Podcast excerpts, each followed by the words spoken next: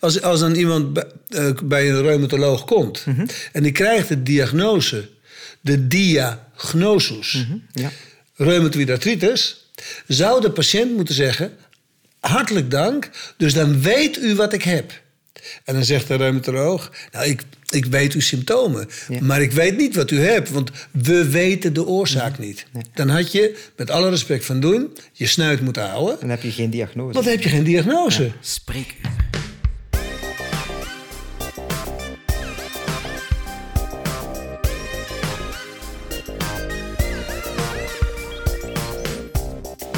Ik ben eh, Leo. Ik ben medisch fysioloog en biochemicus. Ik ben verder eh, opgeleid als fysiotherapeut en sociaal-cultureel antropoloog. En ben de grondlegger van de klinische psychoneurologie wereldwijd. En ook de, de founder van het intermittent living concept. Mijn eigen gezondheid die hou ik in stand door in ieder geval te zorgen dat ik niet te lang zit. En dat in iedere sitting break spieren heel hard aangespannen worden. Eén. Twee. Ik eh, ben chronisch intermittent aan het vasten. En drie. Zorg ik ervoor dat ehm, de emoties en de symptomen die mijn lichaam doen, dat ik daar ook naar luister en het gedrag daaraan aanpas. Dames en heren, hartelijk welkom in een nieuwe aflevering van Spreekuur. Ik ga er niet te veel woorden aan vuil maken. Vandaag is het een aflevering waar ik zelf ook heel lang naar uitgekeken heb. En bij mij zit dokter Leo Pruimboom, de founder van de KPNI. Misschien voor de mensen die niet weten wat KPNI is, eh, Leo, gaan we eerst u zelf voorstellen of eerst de KPNI voorstellen? Wat- Oké, Laten we eerst maar de KPNI voorstellen. doe maar eerst de KPNI dan. Oké. Eh, Als mensen mij vragen wat klinische psychoneurologie is, dan is het antwoord heel simpel. Dan zeg ik het is geneeskunde. En als mensen dan vragen eh, wat voor geneeskunde, dan zeg ik het is moderne geneeskunde. En als ze dan vragen wat moderne geneeskunde is, dan zeg ik het is complete geneeskunde. En dan kom je eigenlijk eh, eh, tot, tot inhoudelijke dingen. Dat betekent dat we, we hebben gewoon besloten, en dat was ook denk ik heel no- noodzakelijk, om alle, alle medische en paramedische eilanden eh, die door versplintering zijn ontstaan, weer, weer bij elkaar te brengen tot één groot continent. Eh, Hoe, moet ik mij dat voorstellen? Wan- Wanneer heb je dat besloten? Eh, nou, ik denk dat, eh, dat ik dat 35 jaar geleden besloten heb. ja. Door het feit dat ehm, ja, het gewoon niet meer verder kon, de versplintering. Ja. De versplintering, dus dat leg maar de laatste druppel die de emmer deed overlopen... is dat op een gegeven moment in de specialisatie gynaecologie in Spanje...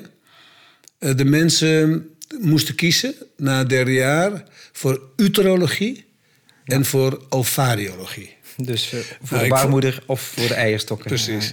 Nou, dat vond ik zo erg dat ik dacht: dit is zo doorgeslagen. ja. En toen ehm, ben ik in contact gekomen met psychoneurologie als, als theoretische ehm, wetenschap. Ja. Eh, vooral in Amerika ontwikkeld. Erg, erg laboratoriumgericht. En heel erg gericht op, op, de, op de, de invloed van de psychologie Ja. op de gezondheid. ja, dus eigenlijk zitten er drie woorden in. Hè? Het is eigenlijk psycho, Neuro- neuro, immunologie. Ja. Eh, dus het is een combinatie van die drie wetenschappen. Eigenlijk niet. Wat is eigenlijk meer dan dat? Eh, Nee, als het het complete geneeskunde is? Eigenlijk was het idee, uh, uh, de, de psychoneurologie als term Mhm. is gemaakt uh, door, door de volgende reden. Ja. Psychologie heeft invloed op de immunologie via een connectoom. En dat is in dat uh, jaargetijde, dat moment, dacht men dat dat allemaal over de neurologie werd doorgegeven. Dus daarom heet het psychoneuroimmunologie. eigenlijk.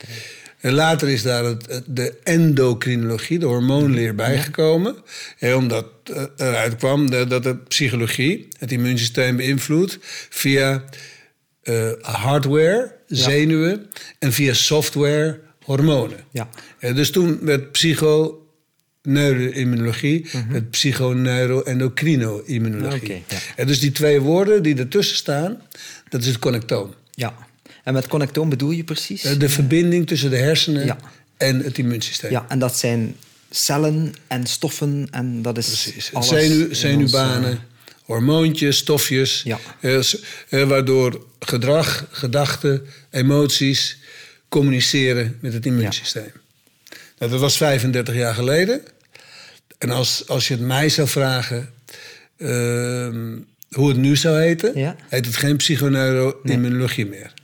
Dan zou het immunoneuropsychologie gaan heten. Oké, en van waar het om, de omkering? Nou, kijk, in 35 jaar tijd onderzoek en, en, en kijken naar wat heeft nou het grootste invloed op wat. Mhm. Eh, dan kom je gewoon te, langzamerhand tot de conclusie dat het brein natuurlijk Ja. invloed heeft op het immuunsysteem, maar dat de andere.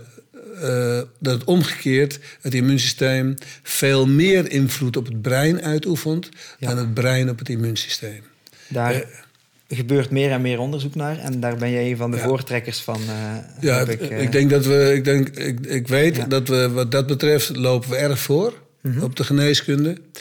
Eh, we zijn, we, moet je eerlijk zeggen, we hebben altijd een beetje voorgelopen. Ja. Dat moet ook, want, want je, bent, je moet innovatief zijn. Ik ga eventjes terug naar die 35 jaar geleden. Dus jij, jij vindt inderdaad dat de, de, de gezondheidszorg op dat moment te versnipperd is. Hm. We zijn 35 jaar later. Is het beter? Nee, het is nog versnipperd. Het is nog sterker versnipperd. Ja. En, en, ehm, en soms voel je je ook als, als, een roepende in, in, de, in de woestijn. Mhm. Maar dat is natuurlijk wel veranderd. Hè? Want kijk, we zijn, ik ben begonnen in Spanje in, in, in 1987. Ja. En, en nu zijn we als, als officiële master aanwezig in 16 landen Ja. in de wereld. En als ik morgen zou willen, dan kan ik nog 16 landen openen, want Ja. we worden overal gevraagd. Ja. Eh, dus, dus we zijn natuurlijk geen pilot meer. We zijn ook, we zijn ook, geen, we zijn ook geen kwakzalvers meer, hè, want dat is het mooie. Eh, we worden gewoon Ja, geaccepteerd. er, er, er zijn heel veel bewegingen in de geschiedenis geweest. Tuurlijk, eh, tuurlijk, tuurlijk. Maar, maar we blijven precies altijd vechten tegen dat blok van de geneeskunde. En ik wil niet gaan polariseren, want ik ben, ben zelf arts. En ik heb heel veel dingen geleerd in mijn klassieke opleiding, maar ik heb ook heel veel dingen geleerd in de complementaire opleidingen die ik Mm. gevolgd heb. Nou, ik ben natuurlijk gewoon een conventionele wetenschapper. Ik ben biochemicus, Ja. fysioloog. Ja. Ja, de- dus ik ben, Dus ik ben misschien nog wel conventioneel. de data. Ik ben, ik ben misschien nog wel conventioneler als jij als conventionele arts. Ja. Maar dat betekent niet dat, eh, dat je vanuit het, een conventioneel gedachtegoed. Want conventioneel betekent natuurlijk alleen maar een gedachtegoed waar, waarvan we vinden dat dat de norm betekent. Want dat Ja. is conventioneel. Ja. Eh, want dat betekent niet klassiek. Nee. Eh, want klassieke geneeskunde is niet conventioneel. Als we kijken naar de echte klassieke geneeskunde van Hippocrates, er is Ja. nog nooit zo'n complete geneeskunde geweest Precies. als, als toen. Eh, Dus, dus is- daarom is misschien de zin die, Ja. die wij heel vaak gebruiken. dat de geneeskunde wat hij nodig heeft, dat is go back to the future. Eh, dus, Mhm. Ja, ja. En, en dat betekent eigenlijk, ga terug naar Hippo- Hippocrates, naar Plato, naar Mhm. Ja, naar de Chinezen. Ga naar ze luisteren. Ja. En, en wat zie je? Daar deed ze eigenlijk klinische, en ik denk werkelijk niet psychoneurobiologie, maar die deden al klinische immunoneuropsychologie.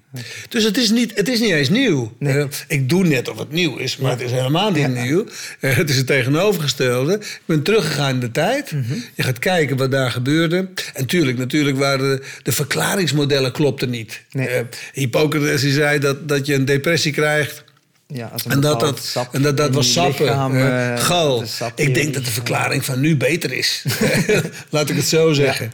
Maar het gedachtegoed klopte natuurlijk wel. Ja. Eh, Het gedachtegoed was, alles is met elkaar verbonden. Ja. Het gedachtegoed was van, je kan dit niet aan elkaar halen. Nee. En, en de grootste ellende die we, die we hebben moeten ehm, accepteren... is dat Descartes op een gegeven moment de hersenen van het lichaam gescheiden heeft. Ja, ik En- denk, dus ik ben. Heeft ja, die het dualisme gezegd. is, Ja. is natuurlijk ontstaan. En dat is filosofisch een heel groot probleem geworden. Mhm. Eh, toen kregen we Pasteur, die vond samen met nog een paar andere mensen, eh, dat een infectieuze ziekte monoetiologisch was. En dus krijgen we vanuit het Dus monoetiologisch dat er denken één bacterie is die een bepaalde één oorzaakje. gaat... ja. Dus een bacterie geeft een infectie, een virus dat. Maar jij ziet dat anders. Een bacterie zal pas een ziekte veroorzaken als dat lichaam Als je daar last van hebt. optimaal Als je daar last van hebt. Ja. Eh, en maar dus tussen Descartes, het dualisme, en, en het, het, het mono-oorzakelijk denken, inderdaad. heeft, dat heeft een, een kettingreactie eh, uitgelokt tot een volledige versplintering van, eh, van de geneeskunde. En waarin in die geneeskunde is zo goed als alles verdinkt. Ja. Eh, en ik, noem, ik noem het verdinging, Ja. want, eh, want dat, is, dat is echt verdinging. Maar wat Eh, bedoel je precies met verdinging? nou, in, in, Dus het in- is in- het is een prachtig voorwerp woord. geworden. Ja, want wij voor- gebruiken het eigenlijk niet Nee, in maar, Vlaanderen. maar het is een heel mooi woord eigenlijk. In, in, dat komt uit het Grieks en het Latijns. Het heet cossificatie. Mhm, van, van, een, van een, een verhaal, Ja. van, een, ja, van de historie, iets maken en dat is er een naam aan geven. Ja. Snap je? Dus, dus dat betekent dat de, de, de, de dingen zijn verdinkt. Bedoel je dan dat we naar onze patiënt luisteren? Onze patiënt komt bij ons, hij vertelt een verhaal. Die heeft een historie. Eh, en meestal hebben we als arts al een diagnose klaar Ja. nadat die twee zinnen Nou, Savas, ik weet niet of het ook andersom mag, het, Ja, het, het zeker. gesprek. Absoluut, ja. Als je, jij graag. bent een arts eh, en jij weet waarschijnlijk heus wat het, wat het woord diagnose Mhm. et- etymologisch betekent, waar het vandaan komt. Wat betekent het, eh, diagnose? Het diagnose is eigenlijk puzzelstukken samenleggen eh, vanuit het eh, Griekse. Dia, Ja? eh, Dia? Het zit, eh, dia Foto? eh, foto. Dia, foto? En gnosen is eh, weten. Weten. weten. ja, dus Dus weten als je dus, foto- dus als we een diagnose stellen, dan hoor je te weten wat de foto van het ding is wat je aan het vertellen bent. Ja. Dus als iemand bij een, als, als dan iemand bij, eh, bij een reumatoloog komt en die krijgt de diagnose, de diagnosus, Ja.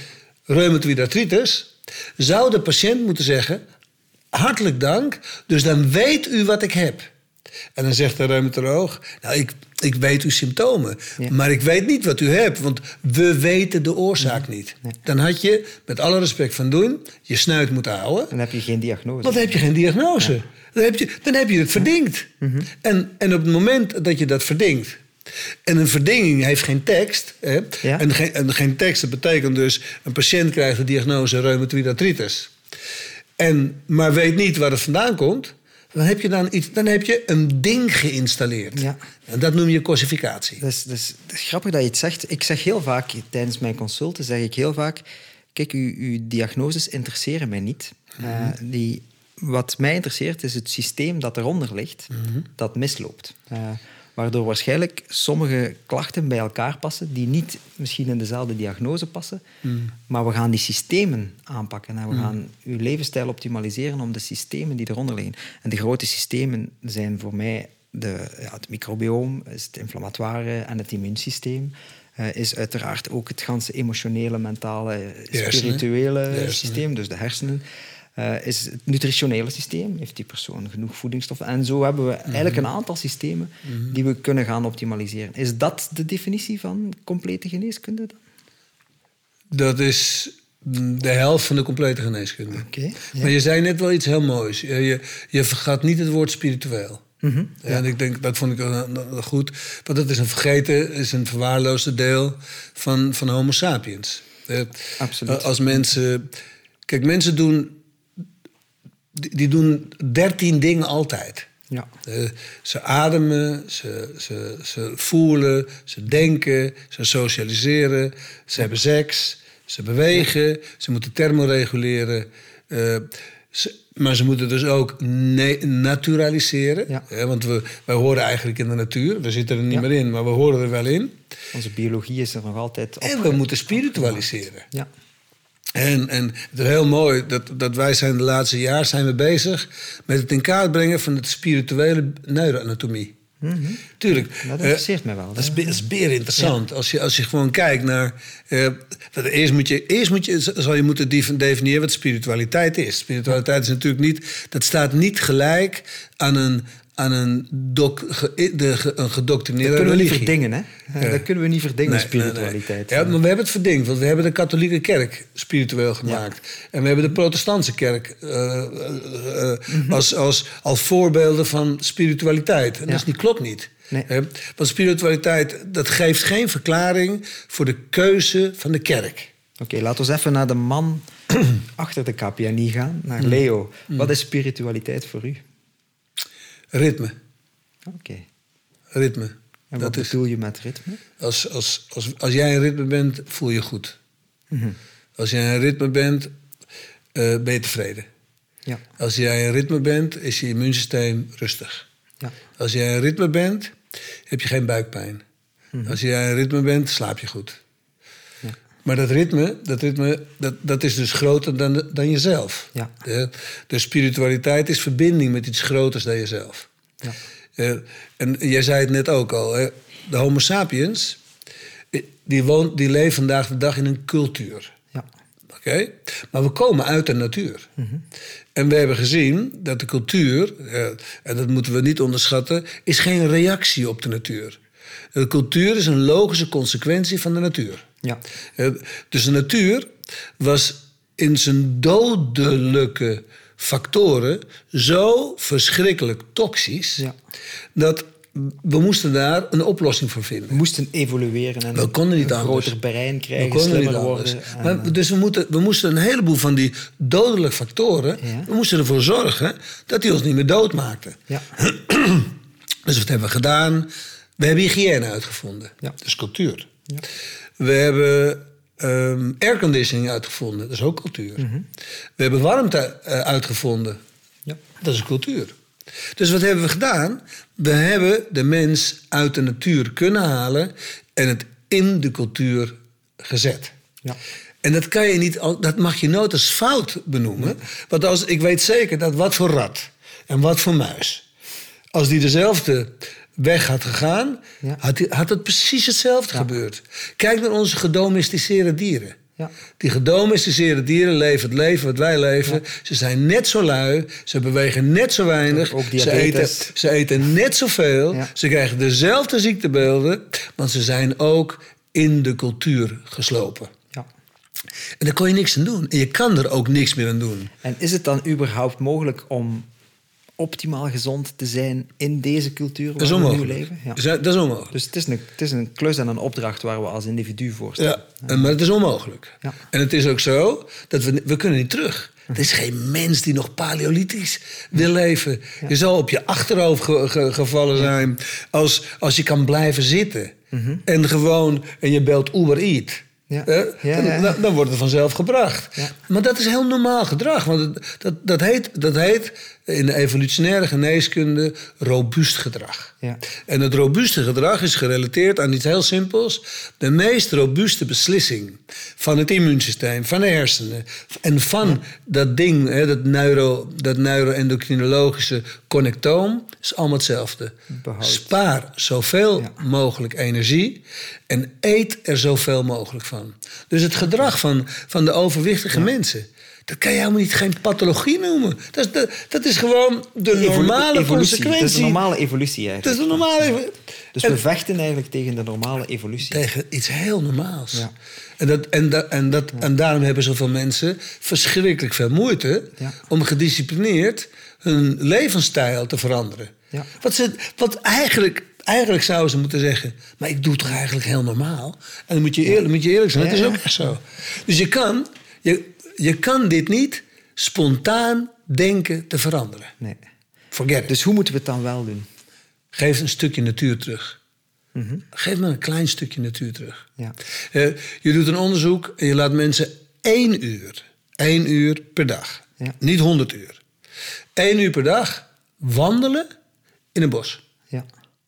En je vergelijkt dat met één uur wandelen in een stad. Stad, Ja. En je doet niks anders. eh, Alleen maar wandelen. Van.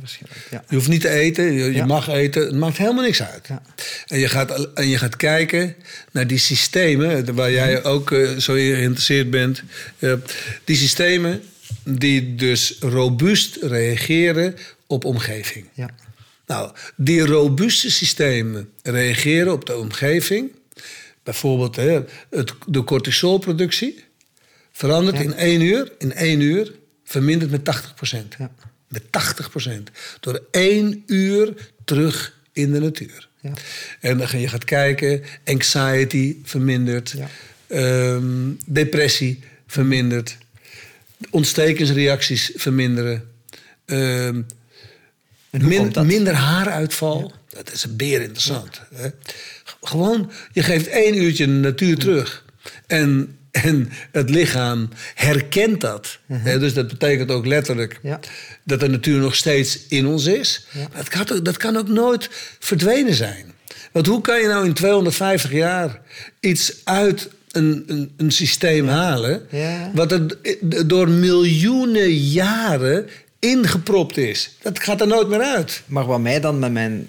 Ik ben natuurlijk ook een product van de generaties eh, die Descartes ge- gevormd heeft. Dus ik wil dat dan rationaliseren. Hè, want ik wil weten van, oké, maar wat gebeurt er dan als ik in de natuur ben? Is dat dan op kwantummechanisch niveau trillingen die ik eh, voel? Ik vind, ik, weet je, eh Servaas, ik snap, ik, snap, ik snap de opmerking. Maar de, de kwantumfysica op dit moment is de god van vroeger. Als we het niet snappen, is het kwantumfysisch. Ja. Snap je?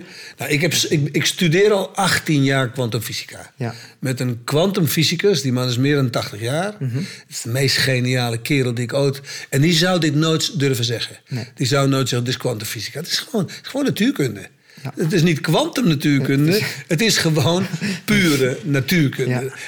Geneeskunde is niet alleen maar chemie. Nee. Eh, Weet je, dat is mijn mazzel. Ik heb fysiologie, biochemie gestudeerd, maar daar hoorde gewoon ook natuurkunde bij. Ja. Eh, En, en, en, als je, dus me, en dan medisch. Dus, dus toegepast op de mens, toegepast op dieren. Het enige wat ik nooit heb wilde studeren is farmacologie. Want waarom moet ik in godsnaam farmacologie studeren? Want ik pak een vademecum en ik kan, ik kan teruglezen. En, ja. en ik wil juist niet een, een, een, een hersenkronkel krijgen. Dat op een gegeven moment heb ik fysiologie gestudeerd en dat. Hè? Ja. En dan kom ik bij pathologie en ik vergeet de fysiologie. Ik vergeet de biochemie. Ik vergeet de, bi- de biologie en de Maar we kennen wel alle farmacologische principes Precies. heel goed. Maar ik weet wel, dit symptoom hoort bij dat medicijn. Ja. Wat een rare manier van... Ik weet, dit medicijn legt die protonpomp stil en daardoor heb je ja, minder en that's it. maagzuur. That's Ja, it. ja. U heeft hoofdpijn, dat, is een, hè, dat lijkt wel of dat een deficiëntie is aan paracetamol. Ja. Zo, dat is de gedachtegoed. Dat is de enige reden waarom ik geen farmacologie wilde studeren. Ik heb het ook niet nodig. Ja. Maar andersom, je gaat gewoon kijken naar de natuurkundige werking van een bos. En, en het eerste wat je dan gaat doen, als je, dan moet je- moet je voor openstaan. Dat is, dat is geen geloof, dat is gewoon weten. Wat doet de, de kleur groen? Dan moet je, je, moet gewoon, je moet gewoon een, in een laboratorium is, gewoon- is gewoon een neuron nemen. Ja. En dat, dat heet fotogenetica. Dan neem je een groen lampje en dan ga je kijken Uh-huh. eh, wat, welke genen daarop reageren. Gewoon puur genetica. In de genexpressie. Ja, maar dat, dat heet fotogenetica. Dat kan je met blauw licht doen, kan je met rood licht doen, kan je met groen licht Wat doen. gebeurt er met de kleur groen? Ah, dat is wel beer interessant. Ja. En er 1500 anti-inflammatoire genen aan. Oké. Maar 1500 anti-inflammatoire. eh, anti-inflammatoire. Ja. Dan denk je, wat is dit? Wat gebeurt er hier in vredesnaam? Prachtig Ja. om dat te zien. Eh, Dus, je kan, dus alleen al licht en dat onderzoeken... dat is al Ja. een, een, een natuurkundig onderzoek... waarmee je al kan zeggen, oké, dat is één. Ja. Dat is één. Maar er, zit natuurlijk, nog- er, zit natuurlijk, eh, er is ook iets afwezig in een bos. Mhm. Kunstlicht. Ja.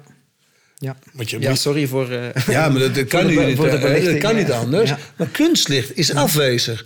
Misschien is, misschien is dat nog wel belangrijker dan de aanwezigheid van natuurlijk licht. Kunstlicht is ongelooflijk storend. Ja. Eh, Wat die lampen, op genetisch niveau door kunst? ja, ja, ja, die kunstlicht, het blauwe licht, eh, dat activeert pro-inflammatoire Ja. genen. Dus wij gaan eigenlijk vannacht slapen met Ja, eh, nee, en, zeker, en inflammatie. zeker dit licht is, dat is hartstikke goed voor onze gezondheid. meneer Thuis. Zullen dus we een beetje dimmen? Of? nee hoor. Maar dan praten we alleen maar over licht. Ja. Oké? Ja. Eh, dan nog lucht ook. maar er is ook lucht. Snap je? Eh, je moet eens even kijken naar de hoeveelheid nanopartikels... die in één kubieke meter lucht in een stad aanwezig zijn. Eén sigaret, één sigaret produceert een gemiddelde van 8,8 maal 10 tot de negende nanopartikels. Het zijn heel veel nullen. eh. Eén sigaret. ja. Passief roken is 1,1 ongeveer maal 10 tot de negende nanopartikels. Probleem van die nanopartikels is dat we, dat we heel vaak niet, nooit hebben begrepen dat, nanopartikels, men, men denkt dat nanopartikels niet, niet immunogeen zijn. Dus dat betekent dat daardoor het immuunsysteem niet geactiveerd kan worden.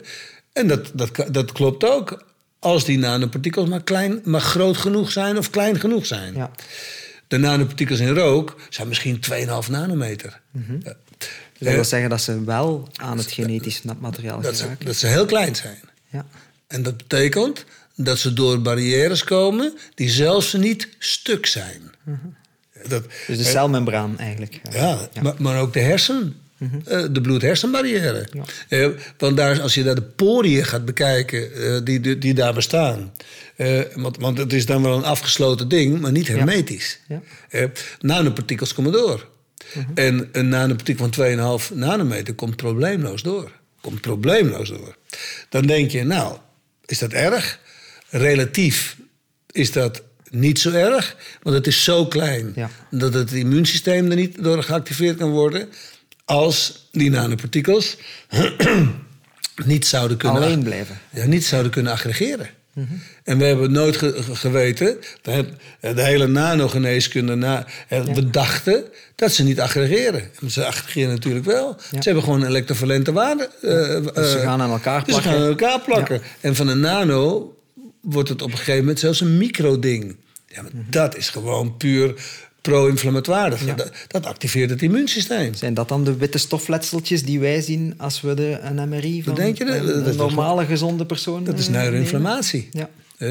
En als je kijkt, eh, als je, als, ik weet niet of je het weet, maar Europa heeft een nanopartikelmeting.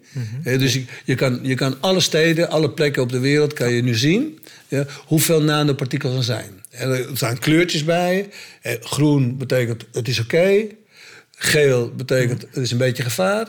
Oranje is het, zegt het is nog een beetje gevaar. En rood betekent dat, dat de alarmbel moet gaan klinken. Ga je kijken. Stad als Amsterdam vandaag had een ppm van 10. Ja, dat is parts per million. eh, Ja, ja. Dat i- van 10 nanometer. Ja. Oké. Dus de meeste, hè, de meeste nanopartikels hebben een grootte van 10 nanometer. Dat is niet zo erg.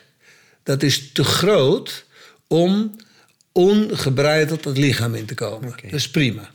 De stad Apeldoorn had 2,5. Helemaal foute boel. Ja. Nou, En zie je dan ook in de gezondheidsstatistieken verschillen? dat zie je dus heel sterk. Eh. Ook in de geschiedenis? eh, Wuhan. ja. Eh, Wu- Wu- Wuhan, de stad waar COVID-19 Mhm. eh, zeg maar, z- de, de, eh, binnenkwam. eh, dat is een van de vieste steden van de hele wereld. Ja. En, dat wordt heel, en, en in dat bos, in dat bos Ja. is een hele andere lucht. Ja. Dus we hebben nu al twee dingen. Licht Ja, en zo zijn er lucht. honderden, duizenden dingen. Dan, dan, dan is een bos is, is, er weer, is er ook weer wat extra aanwezig. Het zijn fytonziden. Eh, dus dus eh, gasachtige polyfenolen. Nou, jij weet iets van voeding. ja, Eh, polyfenolen zijn de stoffen waarom dat we olijfolie eten, onder andere. En, eh, en, en waarom we eh, fruit en groente eten. die zeer Maar, antioxidant. maar die hangen in de lucht in een bos. En die adem je in. En die hebben, wetens- en die hebben wetenschappelijk keihard bewezen eh, effecten. Dus eh, we gaan van de natuurkunde eh, naar de biologie, naar de scheikunde. dus, dus dat bos, eh, dat we praten hier niet over esoterisch interventie waarvan we niet weten hoe het werkt. We weten precies hoe het werkt. Mechanistisch kan je helemaal uitleggen waarom dat ene uurtje in het bos Ja. al die positieve effecten heeft. En moet het bos aan voorwaarden voldoen? Of Ja, kunnen we dat- zomaar... eh, hier dat- staan ook drie bomen. Dat is grappig. Dat is dus gedefinieerd. Ja. Dat is gedefinieerd. Dus, dus er moet een minimaal aantal bomen en struiken in een minimale oppervlakte van 1 hectare aanwezig zijn om het een bos te mogen En noemen. diversiteit ook. Dat is niet eh, zoiets nodig. Het mag gewoon één eucalyptusboos Oké, zijn. ja. Dus een park. Een park is al een bos. Ja. Een goed park is al een bos. En dan ga je kijken naar hele zieke mensen. Dan ga je gewoon vragen... hoe vaak bent u eigenlijk in, in de natuur geweest? Eh, en dan schrik je. Dat sommige mensen zijn potverdorie nog nooit in een park geweest. Ja. Dat je denkt, hé? En dat gaat dus echt zo. En we moeten het niet, ik, ik trek dit niet uit zijn proporties, hè, want het is gewoon even. Maar ja, het is niet dat iedereen die ziek is. Uh, nee, nee, nee, niet, niet natuur, natuur en cultuur. Nee, nee, dat is niet alleen. Dat is, Maar het is wel een hele belangrijke uh, ding. Als we aan de cultuur niks kunnen doen, dan zullen we een stukje natuur moeten teruggeven. Ja. Om ons, zeg maar, uh, minder kwetsbaar te maken voor de impact van de cultuur. Ja. Kunnen we op een andere manier natuur geven aan ons lichaam? Door bijvoorbeeld het, wat jij zelf ook doet, het intermittent fasten? Uh, ja, uh, kijk, je kan natuurlijk op een gegeven moment kan je zorgen dat, uh, dat die systemen die door al die miljoenen jaren mm -hmm. geleerd hebben om te gaan met pathogenen, ja. met, met bacteriën, virussen, om te gaan met klimatologische veranderingen, om te gaan zelfs met geweld om te gaan met gevaar. Ja. Uh, het gevaar was zo. Uh, de, de, het gevaar vroeger was zo variabel. Ja. Uh, als je nog steeds kijkt naar, naar de bos, bosjesmannen, ja. met bosjesmensen die leven zoals vroeger. We gaan ze dood aan infecties. Ja. Nog steeds. -huh. die gaan, maar ze gaan niet dood aan de diabetes type 2 en die 1. Die geen hartinfarcten, ze gaan dood aan infecties. Ja. En hoe komt dat? Ja, omdat, omdat er zoveel verschrikkelijk veel micro-organismen zijn eh, die, die, die mortaal zijn, die dood zijn. Dus dat immuunsysteem is ook net zo als, als het anti-koud systeem, het anti-warm systeem, mm -hmm. het anti-hongersysteem, het anti-dorstsysteem en het anti-infectiesysteem. Ja. Al die systemen hebben zoveel variabele uitdagingen. Uh, uh, moeten, moeten counteren. Ja. Dat de oplossing daarvoor geweest is... weet je wat ik doe? Als, ik dan, als er dan 1500 dodelijke virussen zijn... Ja. 800 dodelijke bacteriën... ongeveer 30 dodelijke schimmels... Ja. en ongeveer 12 dodelijke parasieten... dan kan ik het me niet permitteren om als er één van zulke micro-organismen me aanvalt, om daar een specifieke reactie op te hebben. Dat gaat niet. Ja. Dus de variabiliteit heeft gezorgd voor robuustheid. Dus we schieten met een kanon we op schieten een, op een Ja, maar dat kan niet anders. Ja. Want als we dat niet zouden doen... Dat is hoe ons immuunsysteem eigenlijk dan ja, aan de slag gaat. Als, als, we, als we dat niet zouden doen, zijn we altijd te laat. Mm -hmm. Dan zijn we dood. Ja. Dus wat doen we? We schieten maar gewoon met, met hagel. Mm -hmm. je kan beter met hagel schieten en kijken of, of, ik, of dat lukt. Nou, dat hebben al die systemen geleerd. Ja. En, en ze schieten allemaal met hagel. En, dat is, en, dat heeft, en daarom zijn we hier. En gelukkig valt er af en toe een door de vogel Precies. uit de lucht. Dan, uh... Maar daarom zijn we hier. Ja. Dus dat betekent, hoe reageren die systemen op die nieuwe uitdagingen... die die systemen ja. nooit hebben gekend? En ze schieten met hagel. Ja. Met andere woorden, een van de, een van de meest hagelschietende uh, dingen die mensen doen, dat is zitten. Ja. En de sedentary... We zijn zelf ook al uh, eh, 30 minuten aan het zitten. We zijn nu alweer 30 minuten aan het zitten. En de zittijd, dat is al in 2004 officieel. Wat gebeurt er nu? Wij zitten nu 30 minuten. Wat gebeurt er nu in ons lichaam? Er zijn nu al diabetes type 2 veranderingen. Ja, nu al. Dus insulineresistentie. Ja. Uh... Glut 4, mm -hmm. uh, dus de, de glucosetransporters ja. in spieren nemen al af. Gaan naar beneden. Die gaan nemen nu al af. Ja, dus nu begint dat. dat ik heb ooit eens gelezen dat de LDL-cholesterol, de slechte Omhoog cholesterol, gaat. begint te stijgen. Urinezuur. Na, na 20 minuten zitten. Urinezuur. Ja. En die zijn, dat zijn allemaal stofjes die ontsteking uitlokken. Dus wij zitten hier gewoon te ontsteken. Dus moeten we misschien het goede voorbeeld geven? Even eigenlijk gewoon, we eigenlijk gaan, we gaan opstaan. nou, dat vind ik ook. Ja, weet je wat ik zou doen? En dan gaan we gewoon even... Nou nee, dat is niet genoeg. Uh, Je, wat activeert de spierpomp ook natuurlijk. Ja, maar wat goed zou zijn is dat we iets doen waardoor de spiercontractie groot is. Oké. Okay. Dus laten we nou gewoon. We gaan even zo staan. Eventjes een microotje bij ja, Dan kunnen we er ook gewoon bij praten. Ja, dat, dat, dat, is helemaal geen probleem. En wat we gaan doen, we gaan even in 90, 90 graden staan. Ja. En dat houden we even een paar, een, een, minuut of anderhalf vol. Ja, dus dat is eigenlijk een vaste contractie van onze ja, quadriceps. een isometrische contractie ja. van de quadriceps natuurlijk, van je tegen maximus. De grootste spier. Je bent een hele grote spier aan het aanspannen. En dan, de buikspieren er ook bij. Ja, die horen er ook bij. Die, en die voel je ook, die zijn ook aangespannen. Ook, ja. Je hebt heel veel, heel veel spieren nu aangespannen. Mm -hmm.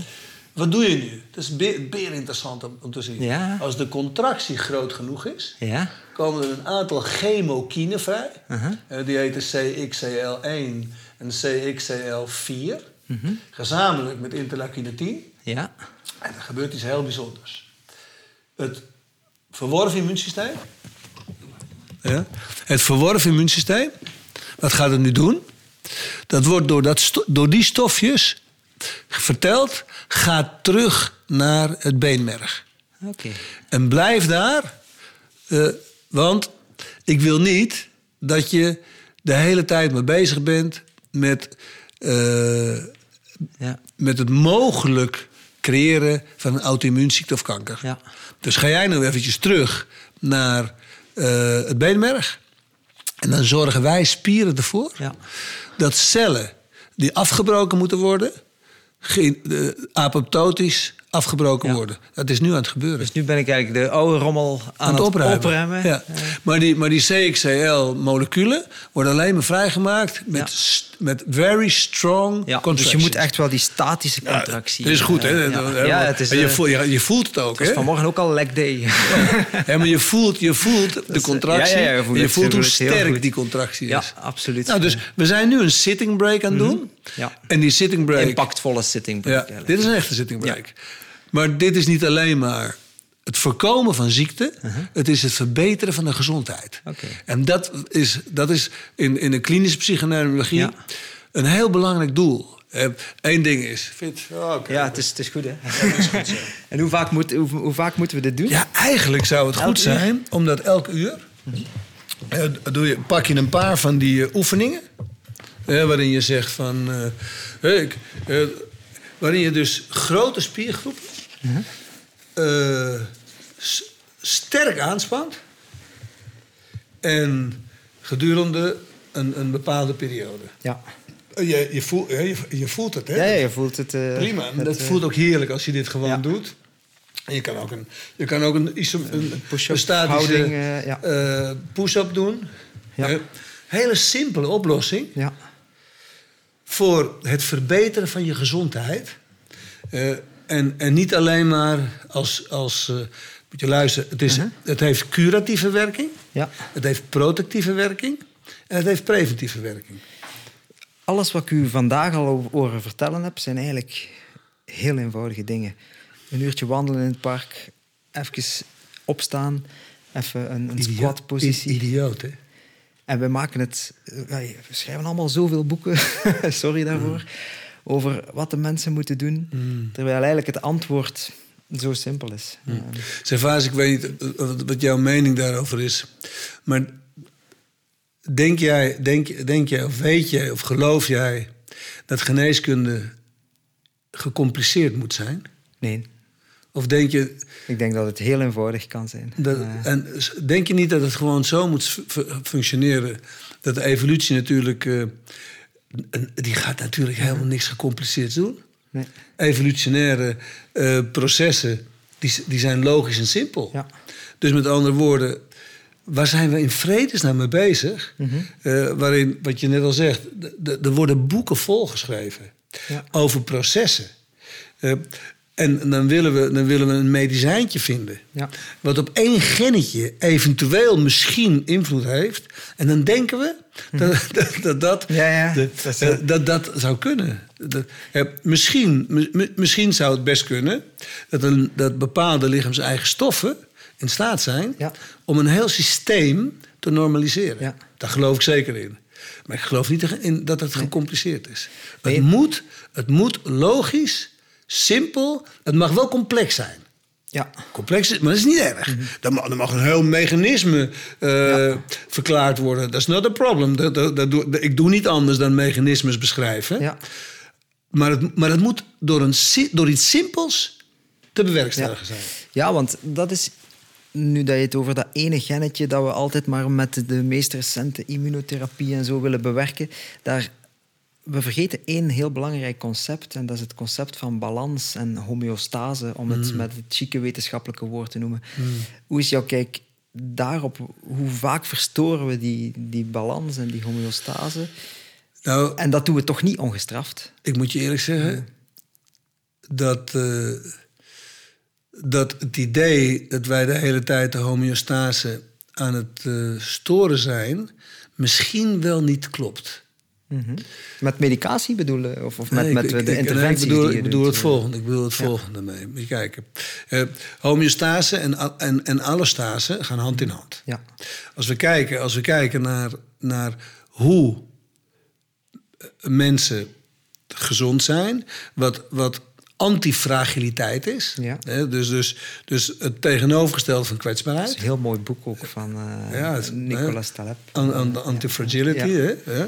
Heel mooi woord. Eigenlijk het, het concept van, van, van antifragiliteit is, is eigenlijk door de, breken, ja, de barstjes te krijgen en door de barsten sterker te worden. Eigenlijk. ja, dus, dus, eh, hè, dus met andere woorden, om sterk te worden moet je de homeostase storen. ja. ja, maar daar ben ik van overtuigd. Alleen, alleen gaat het om. Het, het woord, en je zei, een, een, geloof 25 minuten geleden, Mhm. heb, je, heb je dat woord, heb je ook gevraagd wat is spiritualiteit? Dat is ritme. Ja. En, en dus, je, als je de homeostase ritmisch Ja. verbreekt, leidt dat tot antikwetsbaarheid. Met andere woorden, Want we zijn ritmische wezens ook. Hè. De, de, het wordt dag en nacht. ja, en dat, is, dat, is een, dat is een Dat is spiritueel ook al een stuk waarop dat we de natuur... Ja, eh, de maan en de zon. Ja. En, maar we hebben niet alleen maar een circadian rhythm, een dagritme. Maar mensen hebben geen flauw idee hoe diep geworteld ons infradian rhythm is. Eh, Infradian, dat zijn alle ritmes langer dan een dag. Dat is zo diep in onze genen geworteld. De menstruatie, eh, het ritme van de maand. eh, menstruatie. eh. En als je dan kijkt bijvoorbeeld als mensen ouder worden... Hè, en ze worden minder flexibel... dan zie je dat hun, dat hun, dat hun periode verkort. ja. Nou, dat betekent dat ze ineens niet meer in het maandelijkse ritme zitten. Krijgen ze premenstrueel syndroom? Dan denk je, waar komt dat nou in godsnaam vandaan? Ik heb dat nog nooit, nooit gehad. En dan gaan mensen kijken naar oestrogenen en toestanden. En dan kom je natuurlijk tot proximale verklaringen. Ja. Uw oestrogenen, die, die zijn te vroeg. Of dat, balans zeg, of dominant of, zeg, joh, eh, eh, eh, misschien moet die persoon wel zeggen, ik snap het nu. Ik, ik, leef, in, ik leef een leven volledig buiten het ritme... van wat geïnstalleerd is in mijn lijf. Ja. Ieder mens op de hele wereld weet precies wanneer de zon opgaat, opkomt en ondergaat. Ja. En weet je wat zo idioot is? Dat weet de zonnebloem ook. ja. Want- Maar, maar ik De weet niet. of- zonnebloem sluit als de zon gaat, eh, gaat, gaat slapen. Maar heb, heeft de zonnebloem daar de zon voor nodig? Eh, dat is een goede vraag. Eh, waar ik... De Nobelprijs is geworden Uh-huh. door iemand die heeft laten zien dat de zonnebloemen de zon niet nodig hebben om te weten dat de zon onder is. Oké. Dus wat heeft hij gedaan? Die heeft gewoon een hele mooie grote ruimte, helemaal donker, beton, kon, kon geen, geen lichtje door. En die heeft de zonnebloemen neergezet. En die heeft gewoon gedacht: is dat nou intrinsiek Ja. of extrinsiek? Wat gebeurt er? Die zonnebloemen gaan gewoon draaien. Ze weten dat de zon er is. Ze hebben ritme. Ze hebben, ja. En dus dat, als wij ons s'avonds moe voelen, is dat eigenlijk ons lichaam die zegt van... Servaas, het ritme mag van, vanaf nu een beetje trager. Ja. Eh, En als we mensen in het donker bij elkaar brengen, eh, eh, dan, dan krijg je, dat, zo heet dat, de free range rhythm. ja. Wat gebeurt er? Alle mensen, alle mensen. Dus er bestaan dus ook geen ochtend- en avondmensen. Dat is, een, dat is, een, is een, psychologisch bedenksel. Ja. Is ook niet een stuk genetisch eh, ik- bepaald? Of, ja, daar moeten we straks eens over hebben. Dat, dat vind ik interessant. Ik, weet, ik weet wel waar jij heen wil, dus dat is wel mooi. Eh, maar ehm, dan ga je kijken, dan, dan brengen we mensen in, in een free rhythm. Mhm. En wat gebeurt er? 99% van de mensen Ja. hebben precies hetzelfde ritme. Ja. En, en het, er is geen licht, het is donker. Ja. En we worden een zonnebloem. Als, als we dan de, de boetade nemen van vrouwen die samen op het werk eh, samenwerken, heel veel samen doen, Ja. dat die samen eigenlijk gaan menstrueren, Ja. heeft dat daar ook mee te maken? Er is geen bewijs voor. Geen bewijs voor? Nee. Oké, dus het is Heb niet ik- waar. Eh, Nee, dat is, dat is heel goed onderzocht. Wel, Want het is populair, heel, eh, heel bekend. En er is geen bewijs voor. Oké. Ja, dus, dus, Ook in de dierenwereld niet? Er is, er is geen bewijs voor. Eh, dat, dat die mensen die, die als het zijn, die is niet omdat ze samen zijn, zitten in hetzelfde ritme. ja. We zijn samen, we gaan samen, we gaan op dezelfde tijd naar bed, we staan het samen op. Eh, eh, We, we, we, hebben, we, we brengen hetzelfde ritme aan. En we gaan niet om elkaar, het gaat niet door de geur, het gaat niet. Nee. Het is al lang onderzocht. Dus, Dat is al lang onderzocht. Even naar eh, de ochtendmensen en de avondmensen. Ja. Dus die bestaan niet. Nee. Eh, ook niet in de klok jeans. eh, weet je, als je- sommige Als je kijkt naar de, als je kijkt naar de polymorfismes, ja, die, die zijn er wel natuurlijk. Hè? Ja, Eh, maar dan gaat, moet je wel, dan, als je dan gaat onderzoeken, wat zijn dan de polymorfismes die daarmee te maken hebben? Ja. Nou, vooral de polymorfismes voor de gevoeligheid van blauw licht van, van de retina. ja. Dus er zijn mensen gevoeliger voor blauw licht en minder gevoelig voor blauw licht. Oké? In, in dat, in, in dat kader zou je denken: oké, nou, die, zijn, die, die mensen die gevoeliger voor blauw licht zijn, die zullen waarschijnlijk wel ochtendmensen zijn, want die hebben eerder dat blauwe licht op hun, op Ja. hun, op hun retina. En de mensen met, met, met minder gevoelige eh, blauw licht, Die gaan... eh, die gaan, dat zouden dan de late, de late mensen zijn. Ja, dat, theoretisch, eh, dat klopt. Dat, dat, dat, is niet een slechte hypothese. Ja. Maar dan moet je dan wel gaan bewijzen.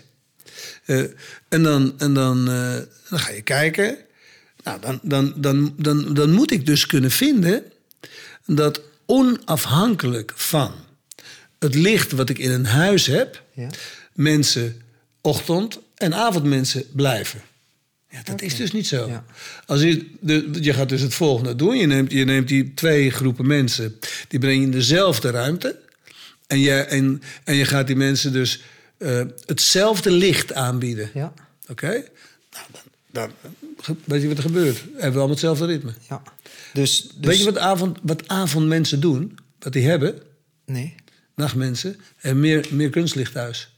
Hm, Ja. En weet je wat, wat, ochtend, wat ochtendmensen hebben? Die hebben minder kunstlicht. Dus, dus, Dus, je kan jezelf wel programmeren om een Tuurlijk. ochtendmens te worden. Tuurlijk. Eh, Ja, dat is- dus het is gewoon, het is de voorkeur voor, de, voor het ochtendleven. Ja. En de voorkeur voor.